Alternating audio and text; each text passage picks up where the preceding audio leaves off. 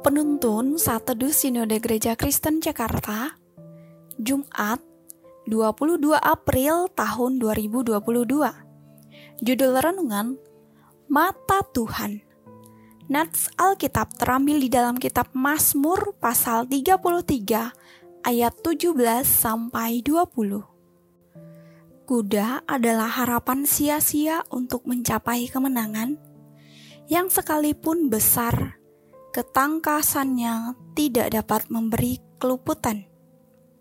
Sesungguhnya, mata Tuhan tertuju kepada mereka yang takut akan Dia, kepada mereka yang berharap akan kasih setianya, untuk melepaskan jiwa mereka daripada maut dan memelihara hidup mereka pada masa kelaparan. Jiwa kita menanti-nantikan Tuhan Dialah penolong kita dan perisai kita. Satelit observasi bumi adalah satelit yang dimiliki negara-negara tertentu dan ditempatkan di orbit bumi. Berbeda dengan satelit untuk tujuan militer. Satelit observasi berfungsi untuk melakukan pengawasan lingkungan, meteorologi, pembuatan map, dan berbagai keperluan lainnya. Perangkat utama dari satelit ini adalah teknologi tinggi yang berfungsi sebagai mata untuk melihat bumi dengan jelas. Pemasmur mengatakan bahwa mata Tuhan tertuju kepada mereka yang berharap akan kasih setia Allah. Kekuatan manusia tidak dapat diharapkan untuk memberikan kelepasan dan juga pemeliharaan. Kuda adalah gambaran kekuatan manusia, ayat 17, yang begitu kuat dan tangkas. Tetapi kenyataannya tidak dapat meluputkan dirinya. Hanya berharap kepada Allah tidak mengecewakan.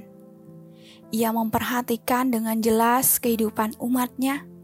Ayat 18, ia memberikan mereka kelepasan dari maut dan bahkan memelihara mereka dari kelaparan. Ayat 19. Itu sebabnya pemazmur mengajak umat Allah untuk terus menanti-nantikan Tuhan. Ia juga adalah penolong dan pembela bagi umatnya. Apa yang ditunjukkan oleh pemazmur dalam bagian ini dapat kita lihat di dalam diri Kristus. Ia adalah penolong yang tangguh, yang menyelamatkan kita dari hukuman kekal. Ia juga bahkan menjadi pembela bagi kita, dan Ia memperhatikan kehidupan kita dengan jelas.